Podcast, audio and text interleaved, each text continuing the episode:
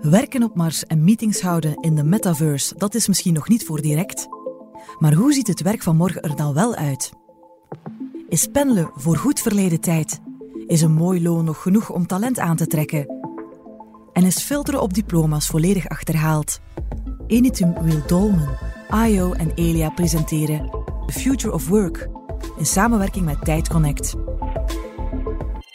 Welkom bij The Future of Work. We gaan je zo meteen enkele stellingen voorschotelen. Maar jij mag al starten met kort jezelf voor te stellen en je bedrijf. Ik ben Doreen Vraart. Ik ben verantwoordelijke voor de PMO-functie binnen HR binnen Elia. En we gaan het vandaag hebben over employer branding en bedrijfscultuur. Bedankt, dat was zeer duidelijk. We gaan nu enkele stellingen overlopen rond de Future of Work, waarin we een licht proberen schijnen over de werkplek van de toekomst.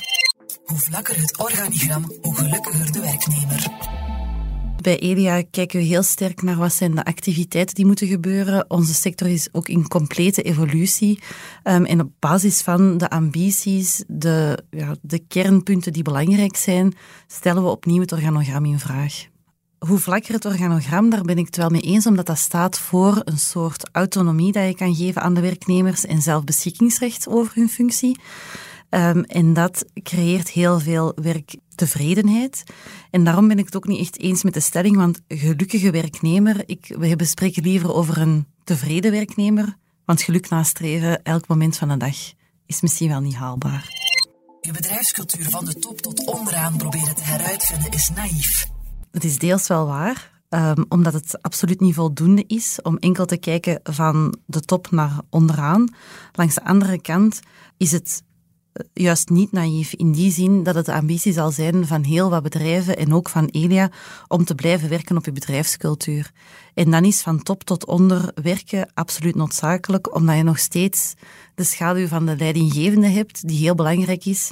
Mensen kijken op naar hun leidinggevende, zien het goede voorbeeld en vandaar is van top tot onder een wijziging rond cultuur initiëren wel belangrijk, maar het mag absoluut niet het enige zijn.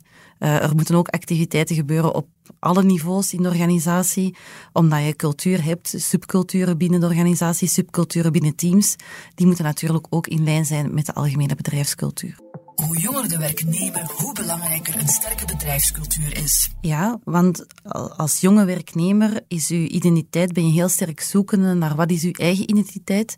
We zien ook meer en meer dat de identiteit van de werkgever moet samenvallen of moet overeenkomen met de identiteit van de werknemer. In die zin, wat zijn de waarden waar het bedrijf voor staat? Um, op welke manier onderneemt het bedrijf zijn activiteiten? Dat valt heel sterk samen met wie dat de persoon is. En een werkgever is veel meer geworden dan enkel iemand die ervoor zorgt dat je je rekeningen kan betalen op het einde van de maand. Langs de andere kant geloof ik ook dat in elke levensfase uh, je dezelfde vragen opnieuw gaat stellen. Als um, mijn kinderen uit huis uit zijn, heb ik misschien andere waarden waar dat zekerheid um, belangrijk was toen ze klein waren of flexibiliteit. Ga je dat toch opnieuw in vraag stellen als je in een andere levensfase opnieuw belandt.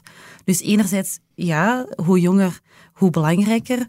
Um, maar dat blijft eigenlijk in elke fase van je leven wel belangrijk om je te kunnen vereenzelvigen. Met een goed loonpakket zal je nieuwe werknemers kunnen lokken. Ook deels kunnen wij ons daarin vinden. Een goed loonpakket is een basisvoorwaarde. Je moet competitief zijn op vlak van salaris.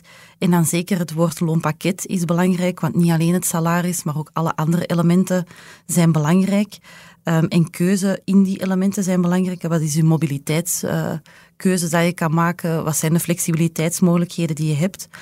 Um, en we zijn ervan overtuigd dat ook de, uh, ja, de identiteit dat je toont op de markt, wie je bent als werkgever, een belangrijk element zijn om medewerkers te kunnen aantrekken.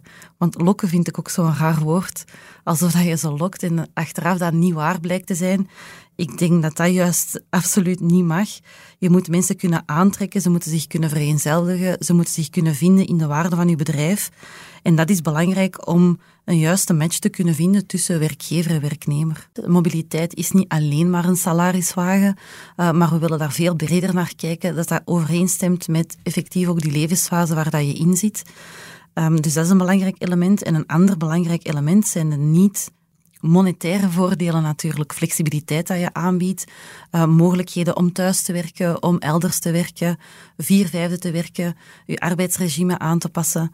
zijn evenzeer belangrijk in Bedrijven moeten trainingen aanbieden die verder gaan dan de essentiële hard skills van een werknemer.